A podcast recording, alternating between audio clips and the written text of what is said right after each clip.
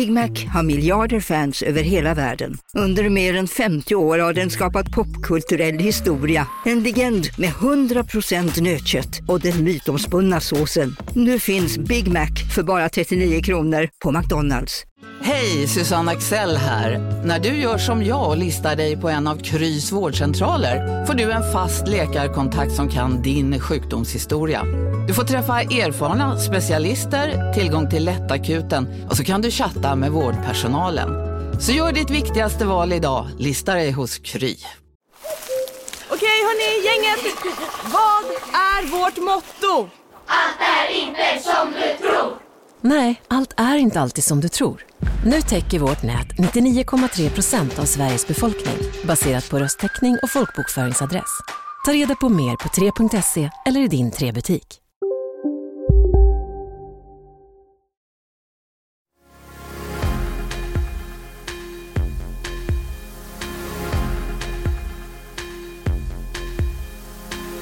It's very specific, the discourse in Sweden.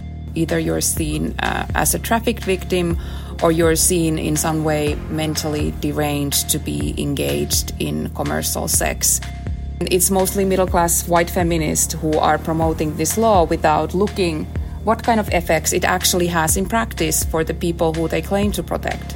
Now in the in the late 90s, jämställdhet, gender equality became this new building block for for the Swedish identity, equating commercial sex with rape. I think it's extremely dangerous because then a sex worker cannot be raped.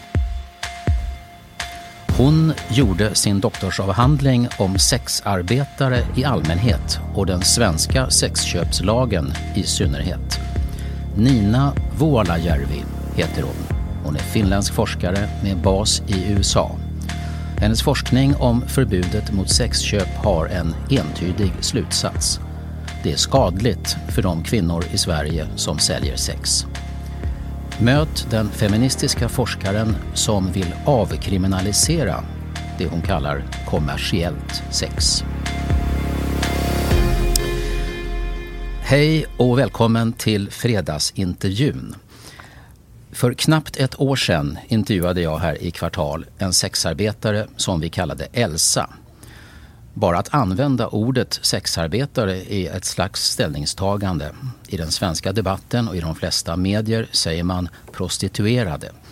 Eller kvinnor som är utsatta för människohandel. Som tvingas ta betalt för att bli våldtagna av män. Sexarbetaren Elsa hade en helt annan syn. Här är några klipp ur intervjun i juni förra året. Jag har själv sålt 6 till 10 kunder per dag. Jag har haft tusentals kunder i mitt liv. Um, ingen av dem har varit ett övergrepp eller en våldtäkt. Jag ser ju verkligen att det här är en lag som bara används för att utrota sexarbete. Då får man stå för det. Då får man stå för att det är det man vill. Vi vill inte ha det. Det är äckligt ut ur Sverige. Liksom. Släng ut dem i Sverige. Så det är ju det man gör idag. Man slänger ut folk eller stoppar dem vid gränsen. Så här, kan du hjälpa mig fixa en hemsida? Kan du ta kort på mig till, till det? Kan vi dela en lägenhet tillsammans? Kan vi hjälpa varandra få kunder? Eh, allt det är ju olagligt.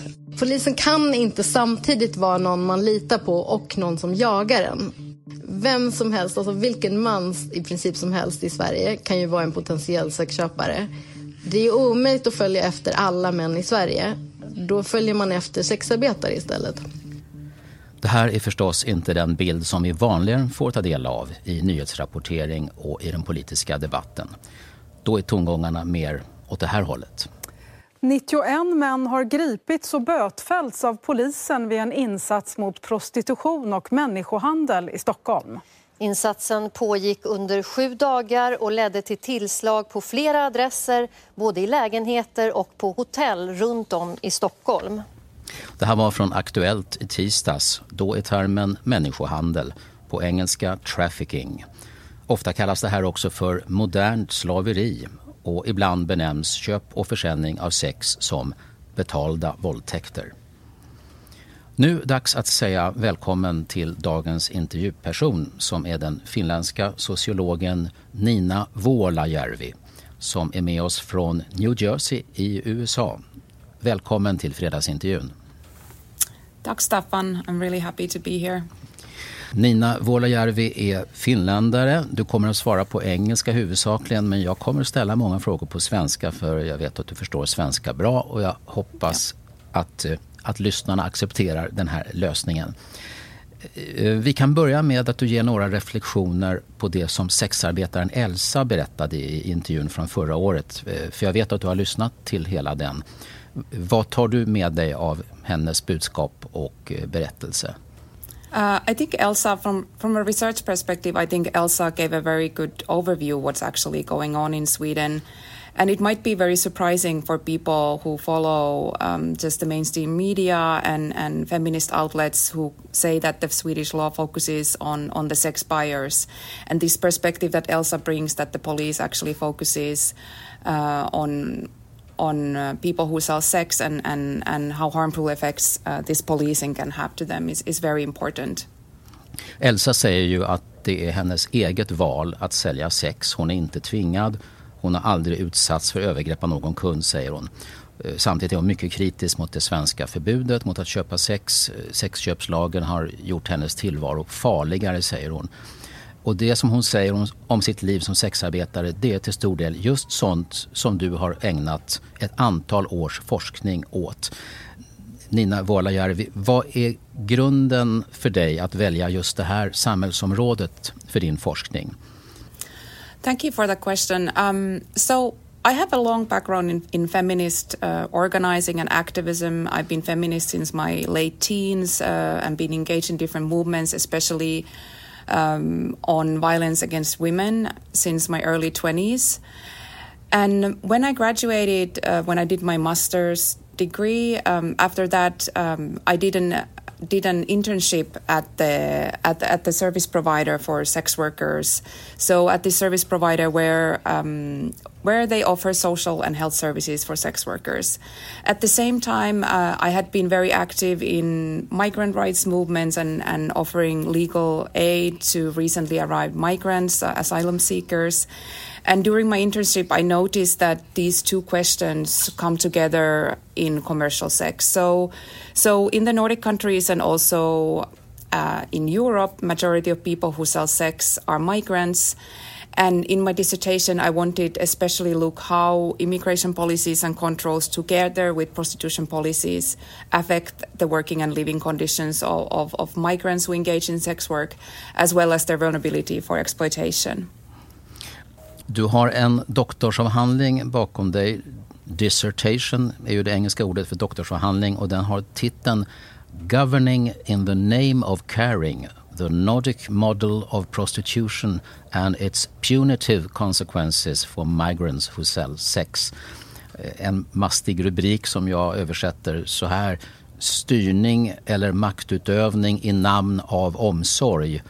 Den nordiska prostitutionsmodellen och dess bestraffande innebörd för migranter som säljer sex.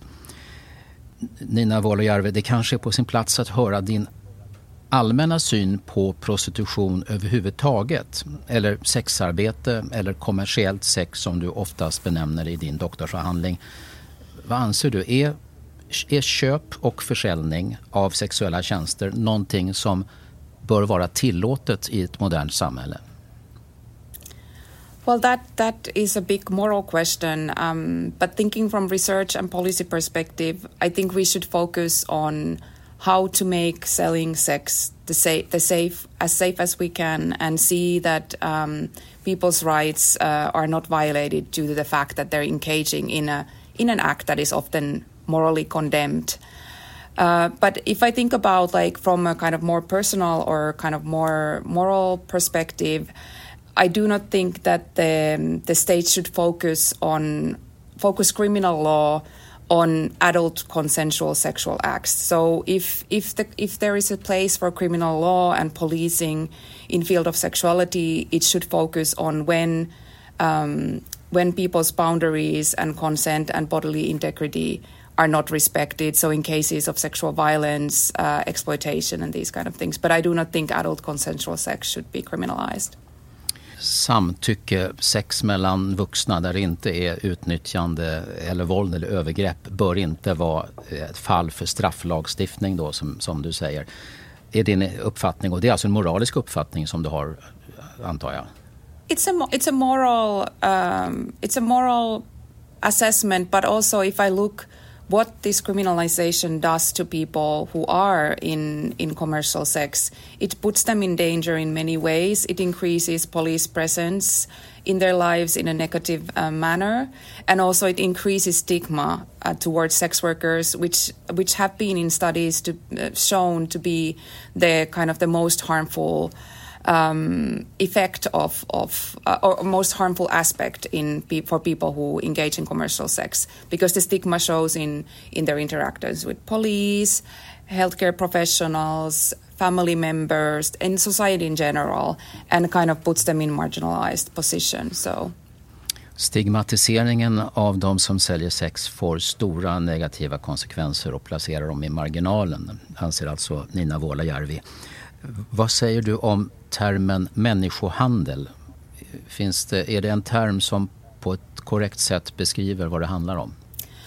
Well, human trafficking is is a legal definition, so um, it's it's a it's a it's a it's a crime um, that has some definitions. For example, you have to be transferred um, across border. You have to be um, exploited in labor. There are different kind of um, uh, qualifications from, for uh, human trafficking.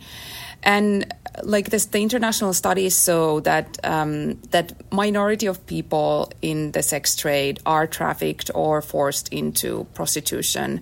So we have studies uh, varying from 100 to uh, 3,000 um, um, respondents, for example, in the UK and India, and they so, show that from 6 to maybe 16% of people feel that there has been coercion in their involvement in commercial sex. So, so this kind of shows that it's a minority of people who are exploited in this way. This doesn't mean that there's no exploitation in commercial sex, but I feel that we need to have a broader understanding of what, what exploitation means and centering sex workers and people like uh, experience of people in the sex trade in defining what exploitation is. Det är alltså en minoritet eh, av de som säljer sex eh, enligt Vuolajärvi som är utsatta för människohandel, trafficking.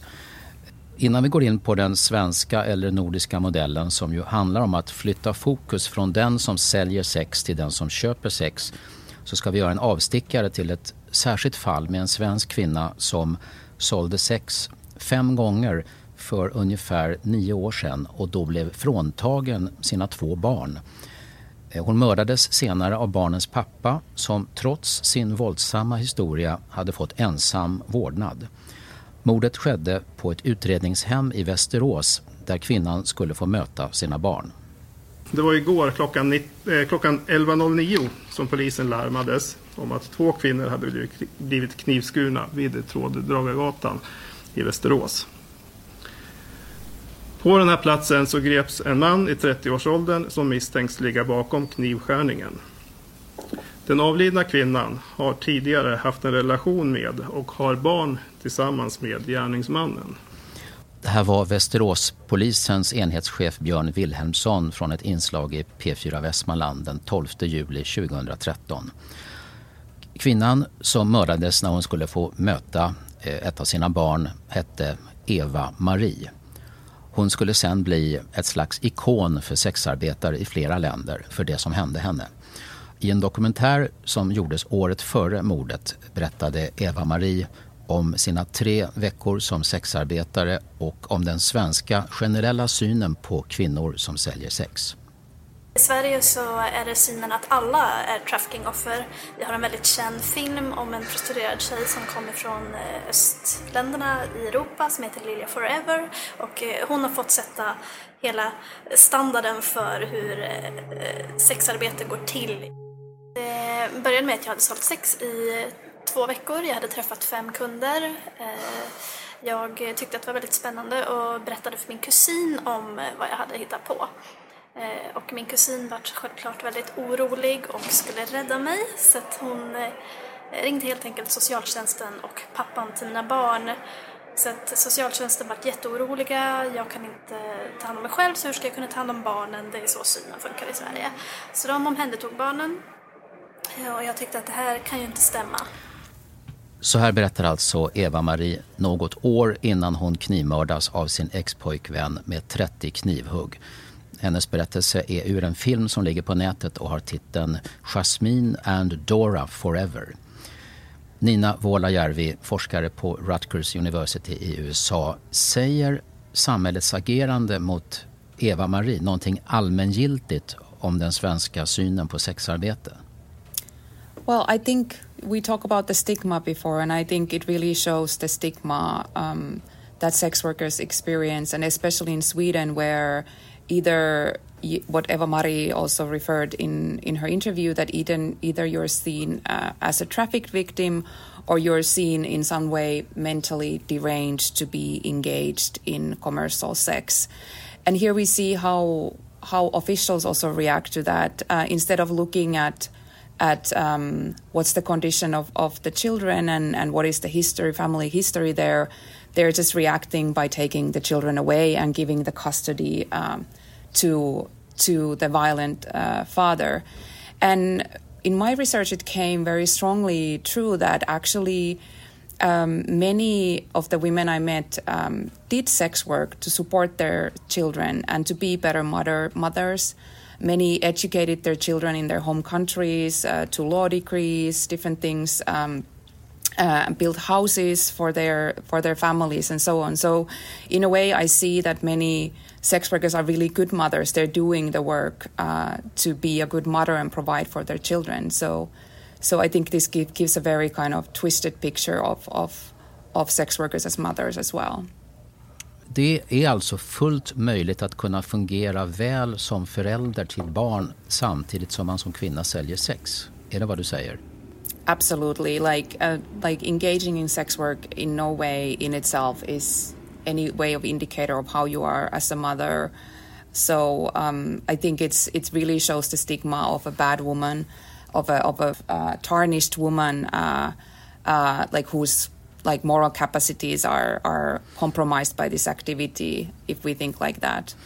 Den här attityden visar bilden av den dåliga kvinnan så att säga, som har spårat ur och som, som inte kan ta hand om sig själv eller någonting annat, eh, säger du alltså. I det här fallet då med Eva-Marie så var det alltså så att barnens pappa som hade varit våldsam tidigare och hotat nämndemän i domstol och som var drogmissbrukare. Mannen ansågs vara en lämpligare vårdnadshavare än Eva-Marie som hade sålt sex i två veckor, säger hon i intervjun där. Mordet skedde sommaren 2013 i Västerås på ett utredningshem när hon skulle få träffa sin lille son för första gången på mycket, mycket länge.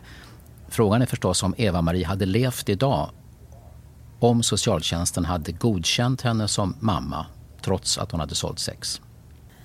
Well, it's it's of course hard to speculate what would happen, but I don't think the Swedish atmosphere has changed that much from Eva Marie's time. So, um, and I, I, many of the sex workers I talk were very worried about uh, the social service getting involved or getting to know about their their um, economic activity, and were worried that the children would be taken away.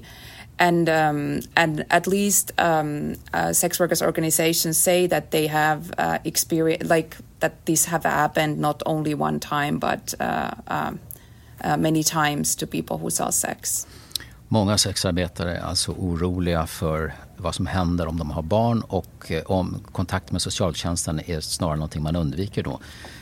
Um, det finns också förresten, vill jag nämna, en fransk dokumentär om hela historien om Eva-Marie. Den finns på Youtube och har den engelska titeln Everything's better than a hooker.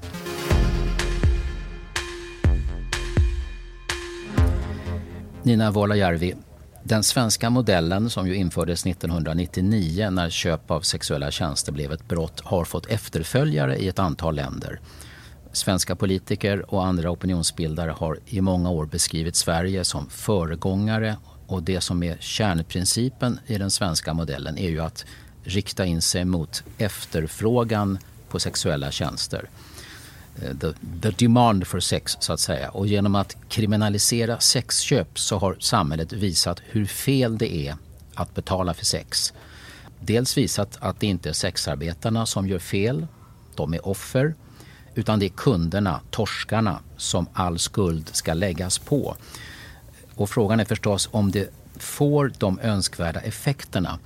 Eh, kan du sammanfatta hur väl den svenska eller nordiska modellen har fungerat än så länge med tanke på vad som var syftet? Well, um, if we think about the aim of shifting the, the focus uh, from sex sellers to sex buyers, that definitely has not happened when we look at the policing. So the police uh, in Sweden finds clients and does trafficking investigations through people who sell sex by making fake bookings. Um, so the, the, the, women are, are the main target of, of the policing measures. And what is often left unsaid or maybe not known um, in, in Sweden is that that uh, even if the law claims uh, to decriminalize, not not uh, not criminalize the selling of sex, uh, it is de facto criminalized through uh, pimping law, like Halik paragraph, and immigration law. So selling sex is a ground for deportation. Also, all the activities around commercial sex are criminalized so that, for example, it's impossible to to sell sex legally in an apartment that is owned by somebody else. Uh, it's uh, illegal to ask help. It's illegal to have uh, somebody to make your advertisement, even if there's no exploitation, even if there's even not compensation taken from these acts. So, so and the police uses these laws actively to to target sex workers and evict them and deport them. So, what my research shows is that actually the women who sell sex uh, carry the heaviest burden of the policing of commercial sex in Sweden and under, under the so-called Nordic or Swedish uh, model. Kvinnorna betalar det högsta priset, säger du. Men tanken var ju att det är männen som ska straffas och kvinnorna ska inte känna sig utsatta, hotade av samhällets uh, olika institutioner och lagens långa arm. But I think I think in a in a like in the Swedish discourse, um, you said yourself that the women are seen as victims, and also there is this approach that they need to be rehabilitated to society. So they need to be taken away from commercial sex, which is seen to be bad for them. And I feel that um, in in the police action and also in the social societal actions the goal of getting rid of commercial sex becomes more important than the rights and safety and protection of, of the women who sell sex. Ja, du är inne på den politiska överbyggnaden kan man säga till hela detta med sexköplagen och den nordiska modellen. För att det heter ju ofta här att köp av sexuella tjänster är en del av mäns våld mot kvinnor. Så länge män kan köpa kvinnors kroppar så kan vi inte få ett jämställt samhälle. Det är resonemanget som ligger bakom. Och de som har det resonemanget de kallar sig feminister, precis som du gör. Finns det inte ändå någonstans en, en god tanke i att jämställdheten skadas när det är okej okay att köpa kvinnor på det här sättet? Well, if we think about gender inequality, we can see, see it in many areas. Like we can see it uh, in violence that takes place in marriage, in uh, like income differences, uh, childcare responsibilities, the way. Uh, um, in which way women and men uh, position themselves in the labor market. There are many things. So, in a way, lifting this as a symbol to be fought uh, as the only symbol or like the main symbol, I think it's a bit misleading. And I don't think um, that uh, a society to be gender equal, equal, there needs to be no commercial sex. Men vad säger andra feminister i USA och i Norden när de hör din bild som ju är i praktiken ett försvar för att det ska vara tillåtet att, att köpa sex av kvinnor? Well, I know in Sweden for sure um, people think that I would be supporting exploitation and and paid rape and all these things. But I don't I don't really see myself as promoting the right to buy sex or anything like this.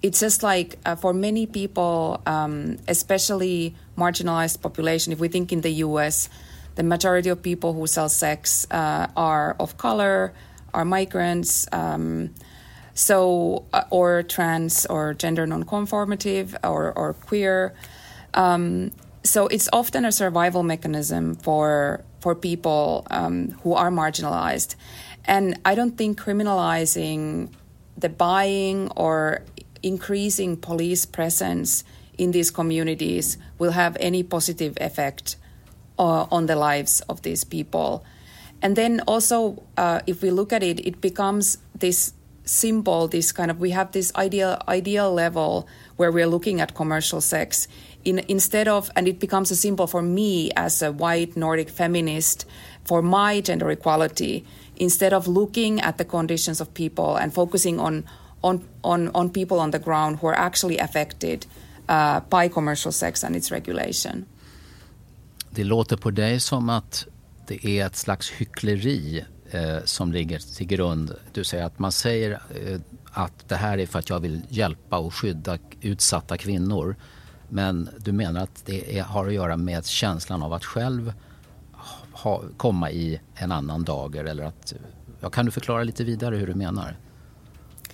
Well, I think the the problem with the with this kind of feminism that wants to criminalize uh, different actions around commercial sex is that it's not really in conversation uh, with people who sell sex or their realities. It doesn't like if we think about sex workers' own movements, they univocally almost uh, promote the decriminalization of sex work and uh, like promotes uh, providing possibilities for people who engage in sex work so they can also do other forms of, of, of labor.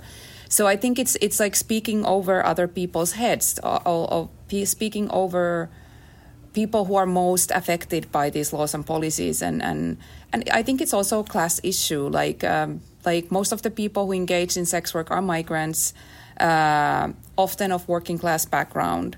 And it's mostly middle class white feminists who are promoting this law without looking what kind of effects it actually has in practice for the people who they claim to protect. Det är vita medelklassfeminister som framförallt står bakom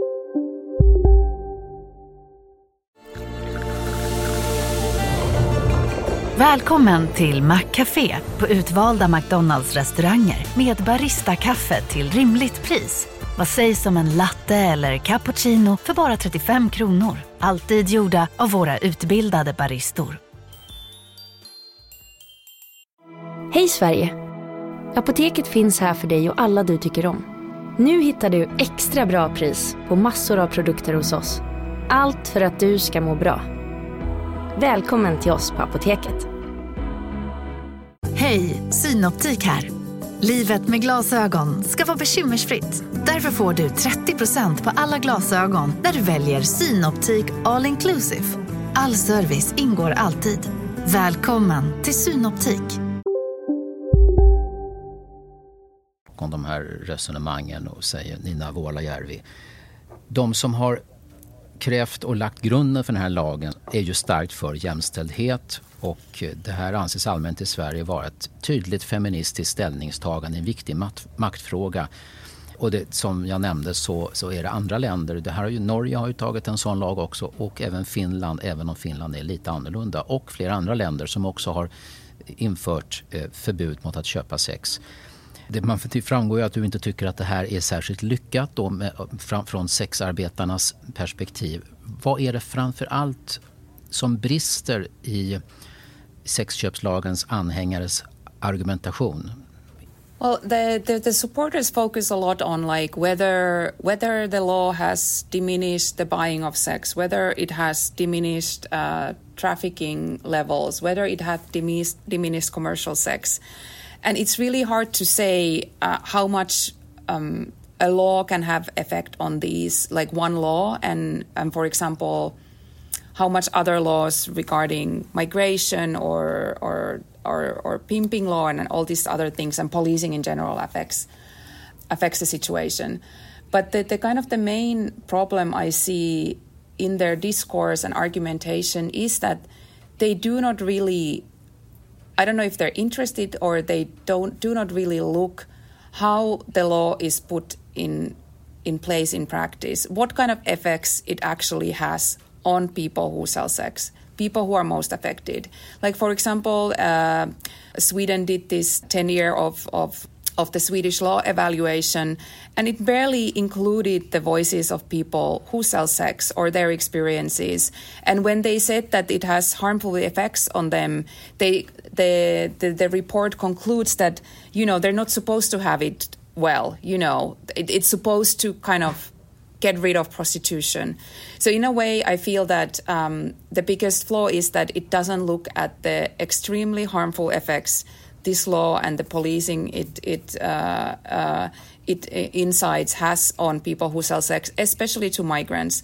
Like we see in France and in Canada, where this law has been taken on as well, that it has especially pushed migrant sex workers in a very uh, precarious and dangerous position. In France, there have been many sex workers murdered. Um, in in in Canada, it has increased uh, busts on Asian uh, migrant sex workers. The examples are many. Skulle situationen och tryggheten för många kvinnor som säljer sex bli bättre om man tog bort eh, förbudet mot att köpa sexuella tjänster? Well, what my research shows that it's not primarily the, the Sex Purchase Act that is harmful. It's it's the increased involvement of police in the lives of, of, of people who sell sex and actually the implementation of other laws around commercial sex.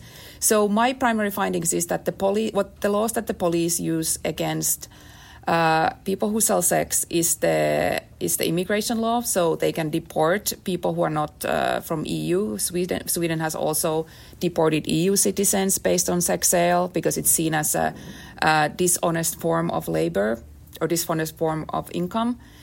Uh, so it's the immigration law, and then uh, the pimping law, the Hallick paragraph, uh, which the police uses to evict sex workers. So when the police visits apartments, they can just or hotel rooms, they can just um, give a call uh, or mess, um, email or whatever, send a note to the hotel or the landlord saying that if you do not uh, kick this person out, uh, you will be accused of pimping. So they basically don't have to do much to get rid of people who sell sex.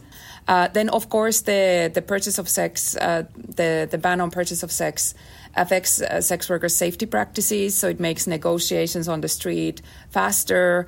Uh, people don't want to be screened, don't give their identification. And sex workers also need to do more in calls, so go to the apartments or places where the, the, the sex buyer wants to meet them, which, of course, is more dangerous than meeting uh, in your own environment. But I would say the other laws are much more important than the Sex Purchase Act, and in a way, it also directs the discussion away from the the kind of more holistic legal framework and governance of commercial sex. Det är alltså inte sexköpslagen ensam som har de här negativa konsekvenserna utan hela paketet tillsammans med bland annat utlänningslagstiftningen och eh, ja, allt som har med migration att göra eh, och också kopplerilagen som gör att den som hjälper en person som, som, som säljer sex blir en brottsling väldigt snabbt. Så att säga. Man, får, man får egentligen inte ens skjutsa en person med bil om det finns en koppling eh, till det där. Fredagsintervjun är den podd som har funnits längst i kvartalfamiljen. Och vårt utbud är betydligt större nu än när mediehuset var ungt 2016-2017. Och det är tack vare generösa bidrag från vår publik. Vi har också försökt göra det enklare att skänka pengar till oss genom Swish QR-koder på hemsidan och annat. Fundera på om du vill bidra och hur i så fall. Nu fortsätter fredagsintervjun med sexhandelsforskaren Nina Vuolajärvi. Under arbetet med din doktorsavhandling om hur förbudet mot sexköp och de andra lagarna har påverkat kvinnor som säljer sex så var du ute på fältet i Sverige, Norge och Finland i nästan tre år. för att möta och intervjua människor som på olika sätt spelar en roll för sexhandeln. Bland annat intervjuade du nästan 130 kvinnor som säljer sex. Hur gick det där fältarbetet till och vilken sorts kunskaper och förståelse fick du då som kanske inte hade varit möjligt om du inte hade gått in i de här miljöerna där kvinnorna som säljer sex befinner sig? Well, I think it, it gives a really grounded approach. So spending long periods of time with people who sell sex uh, from different ethnic and migrant backgrounds in different working in different working locations gives a really kind of holistic view of of what's going on and and what are actually the the most important issues of, for people who sell sex. So during my field work, I visited uh, clubs and um, uh, where sex is sold, um, the street. I also um, uh, spend a lot of time online to meet people there and see how because most of the sex is sold online and i also what, uh, was at social service providers to to meet different people so in a way i feel like um, uh, this engagement with people who sell sex from different positions is often missing uh, when we discuss commercial sex and its realities. Ja, vi har kommit fram till att eh, en majoritet av kvinnor som säljer sex i, i, här i norra Europa, de är ju inte födda i de länder där de arbetar. Och till exempel kommer många från Rumänien och Nigeria. Men det finns också svenska kvinnor som är födda här och som är svenska medborgare. Och vad kan du säga om den gruppen, de helsvenska sexarbetarna? Hur har de påverkats av de här lagförändringarna och det sätt som polisen eh, agerar? Well, um, the police mostly focuses on migrants and especially on migrants of color. So, um, in a way, the policing is to some extent racialized uh, in the Nordic countries and in Sweden. But it's not like the Swedish sex workers and people who sell sex are unaffected uh, by by the the laws and also kind of the especially the um, kind of uh, political atmosphere, uh, social atmosphere around commercial sex. So, like I said already, like uh, the screening practices are made harder for for also Swedish uh, sex workers, and they are very worried about, um, you know, uh, landlords getting to know or neighbors getting to know um, their business. And I interviewed people who have been kicked out of their apartment because of sex sale. Um, they're also worried about um, like uh, like getting pimping charges if they work together or if they help each other, for example, with advertisements or other things. So there's a lot of things like from the legal side that um, that uh, bring stress. Also, like in Sweden, you are um, you are um, supposed to pay taxes, so you have tax liability, but there is no legal way or legal guidelines on how to pay taxes as a sex worker. So people have to kind of come with other kind of businesses, entertainer or something like that to register. And they also meet discrimination in in bank services and stuff. So that it's very hard to organize the work legally. Then, of course, if we think about the social atmosphere, so um, so um, uh, they meet a lot of stigma in in social services and and health services. So many people didn't tell anyone, like, you know, didn't tell their healthcare workers that uh, they are selling sex.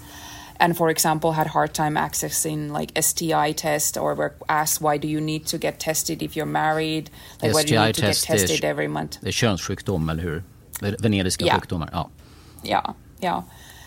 And then of course, like if we think about like what Elsa was saying in the interview that if you're not if you sell sex and you do not um, agree with the with the narrative of being a victim and being abused and and if you're not for the the, the Swedish uh, uh, Sex Purchase Act, uh, you will be demonized and, and silenced in public debate. So sex workers are often called the pimp lobby, Hallicklobbyn, and in this way, kind of uh, also their political voice is taken away uh, in the discussion, and they are not involved in any decisions regarding uh, commercial sex and, and policies around commercial sex in Sweden. Ja, vi är väl inne då på mediernas roll här och kanske också politiker, alla som... Alltså, I många samhällsfrågor så finns det ju en dominerande beskrivning eller berättelse, ett narrativ. Mm. Eh, och vad gäller prostitution och män som trots sexköpslagen köper eller försöker köpa sex så räknas det här ofta in under samlingsrubriken mäns våld mot kvinnor. Och jag var inne på det förut att våldet är då att männen i sexhandeln köper kvinnors kroppar och sexuella tjänster mot betalning benämns inte sällan betalda våldtäkter. Jag förstår att du inte ställer dig bakom den här beskrivningen men det här narrativet är ju så starkt och det är det dominerande som i, i, i varje vecka så hör man att polisen har gjort ett tillslag mot en lägenhetsbordell och det är ett antal, man har gripit sexköpare och det outtalade är ju att man har räddat kvinnor från någonting som de var, så att säga, inte hade kunnat välja själva. Du har en helt annan bild. Vad, vad är det din förklaring till att det här narrativet och den här bilden av att det här måste stoppas med hjälp av eh, bland annat den här sexköpslagen. Vad, vad är skälet till att det narrativet är så starkt när din, din forskning finns och säger någonting helt annat? Mm. That's that's a difficult question. Why is it so strong in Sweden? Um, that I, I'm not sure if I can answer that that that fully, but if we like, I would maybe first wanna wanna kind of just intervene in the in the discussion on on equating commercial sex with rape. I think it's extremely dangerous because in if you think like that, then a sex worker cannot be raped. And it also um, promotes this narrative of like, you know, when you buy sex, that you have like unlimited access to the body of the people, your person you're buying sex from. And and and the people um, like the sex workers I talk with, uh, they often had very strict boundaries on services, time, what can be done and what cannot be done. Um, and I think this discourse of boundaries and, and like contracts um, in commercial sex needs needs to be uh, elevated to to prevent those boundary crossings. Um, so there are some some theorists who have looked into the birth of the the Sex Purchase Act uh, and theorized it in relation to to Sweden's internationalization um, in the 1990s, uh, anxieties in relation to joining to EU, opening borders, Eastern European women coming here, uh, as well as the ne- neoliberal restructuring of the welfare state. So Don Kulick has argued that um, if the Swedish pride used to be the welfare state and um, jämlikhet, now in the in the late 90s, jämställdhet, gender equality became this new building block for for the Swedish identity due to these uh, kind of changes in the welfare state, and and that that Sex Purchase Act became a symbol of this new engagement and new commitment to gender equality. Sweden is the most gender equal country. It has the most gender equal prostitution policies. Uh, so in a way, this kind of these kind of lo- like broader geopolitical and economic transformations have been theorized to be behind this Swedish focus on on on sexual violence and gender equality, and especially the Sex Purchase Act. And if I can add one more thing, is that it's very specific the discourse in Sweden. I don't see similar discourse in, in Norway or Finland where there are similar laws. And also, um, when I talk about the situation for foreigners uh, who come outside Sweden, they're very surprised how uniform uh, and how embraced this discourse uh, of commercial sex as violence and how repeated it is in the media and and the fact that you cannot really be against it because you're against kind of basic Swedish moral values. Ha, har du inte några åsiktsfränder i, i Sverige i politiska partier eller i eh, intresse, ide, ideella organisationer som driver den linje som du gör? Finns, finns det några i, i Sverige som eh, någon betydande politisk kraft som, som tycker som du? I think there's such a political investment in the Sex Purchase Act. Sweden has branded it as a Swedish gender equality innovation. It's exporting it actively abroad. There's a big uh, discourse, like many women's organizations are very invested, many other organizations. I think it's really difficult in this environment to to to have or to bring um, voices that that complicate that image of the of the law being a good thing uh, forward. So it's really difficult, and I think in the political realm, many politicians maybe also see that it's a political suicide. Uh, when I was doing my fieldwork, for example, um, this Green Party politician Daniel Tukia uh, wanted to uh, organize this event uh, within the Green Party that would have included sex workers to discuss the Swedish law and what should be done, and include sex workers' voices into the debate. And and um, like it was a catastrophe. In a couple of days, he had to resign from his post. Uh, he was a, some sort of gender equality um, representative in in the in the party. Uh, many of, of his party friends uh, disowned him. Uh, he got like hate mail. Uh, like his political career kind of like, yeah, just took a little, uh, like a really big dip there. So I think it's, it's really hard to bring these voices out. And even researchers who have uh, tried to complicate this image uh, have been harassed by other researchers. Their uh, the quality of their research has been questioned. Um, so there's so much opposition that I feel that it's it's a very few people who are brave enough to to complicate the image and actually look what happens on the ground. So only organizations that have, for example, asked me to talk about my research outcomes. So what does it actually mean? Like not taking a stance on the Sex Purchase Act in itself, but how is how is commercial sex policed in Sweden? Is uh, um, uh, RFSL and then some research organizations um, in Sweden. Then, of course, uh, the sex workers organizations have been interested um, in the outcomes. Men den svenska forskningen, politiska partierna, eh, universiteten, hur är deras intresse för din forskning?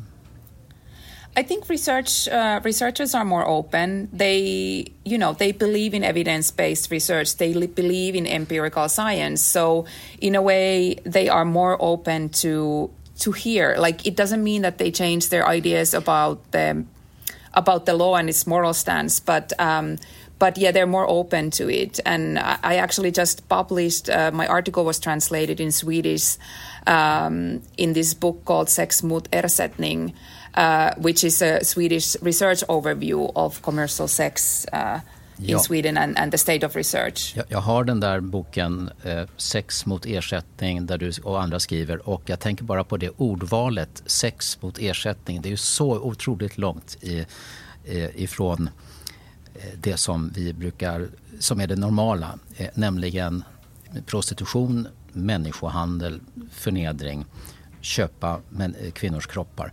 Nu var vi inne på eh, akademin, politiska partier, organisationer. Men medierna då? Journalisterna i Sverige och medieföretagen som ju med stort intresse följer eh, både sexhandelns utveckling, polisens insatser. Män som köper sex eh, blir ju också stigmatiserade, framförallt om, om de är kända och sådär.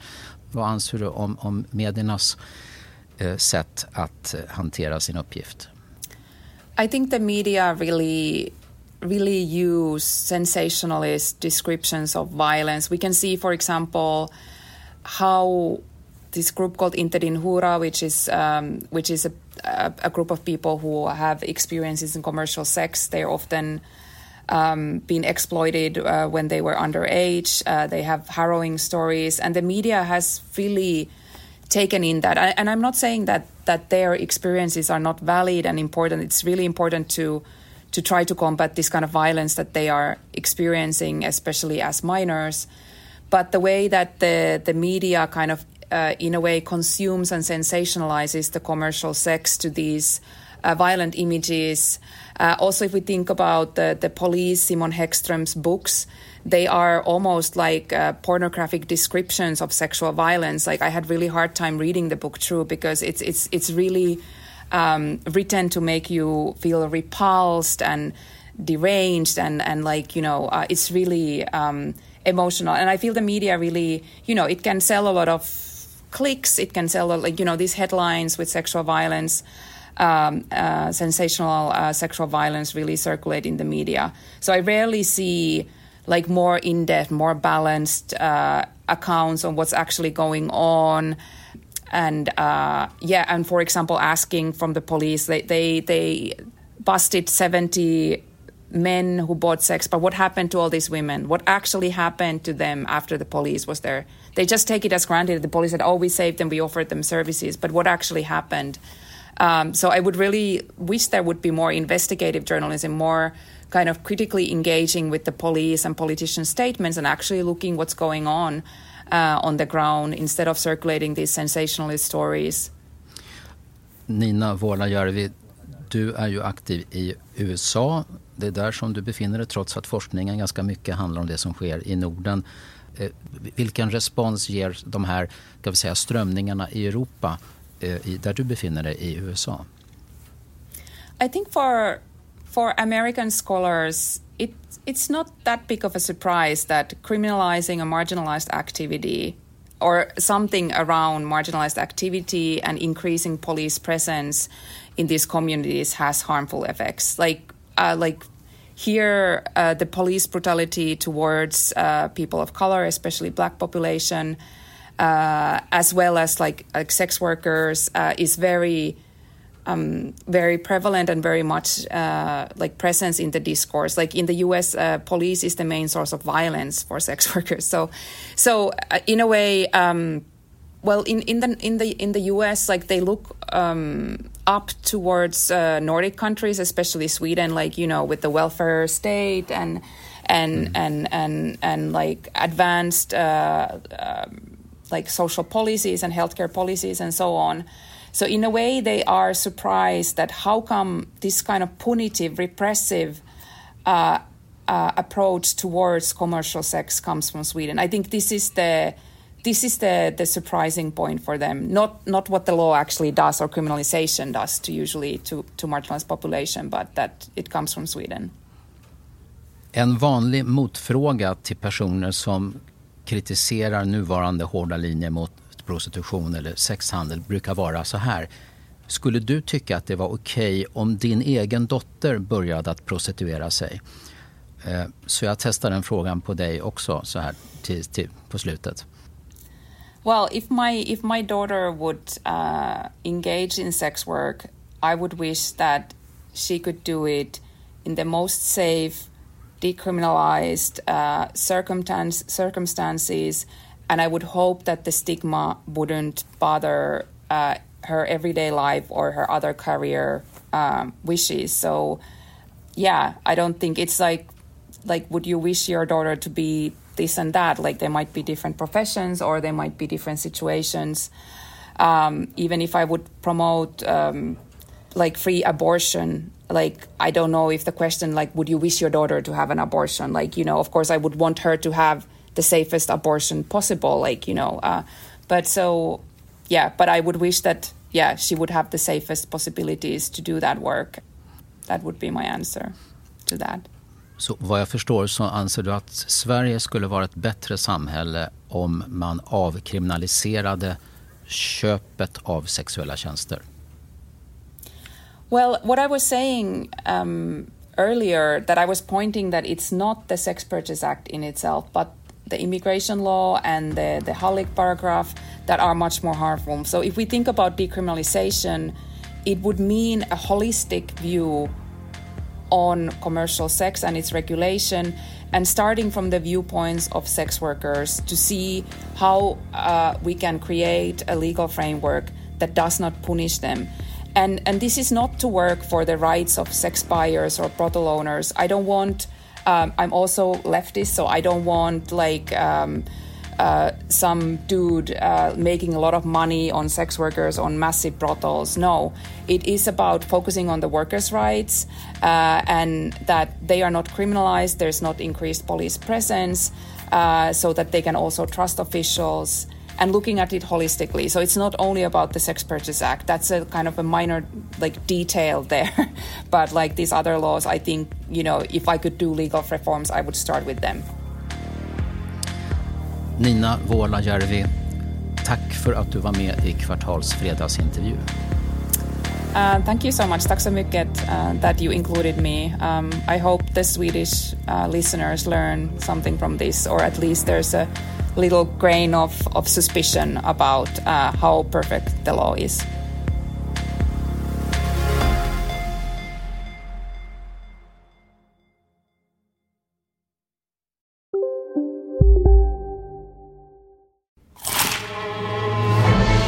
Upptäck det vackra ljudet av McCrispy Company för endast 89 kronor. En riktigt krispig upplevelse. För ett ännu godare McDonalds. Som medlem hos Circle K är livet längs vägen extra bra. Just nu får du som ansluter dig 50 öre rabatt per liter på de tre första tankningarna och halva priset på en valfri biltvätt. Och ju mer du tankar, desto bättre rabatter får du. Välkommen till Circle K. Ska några små tassar flytta in hos dig?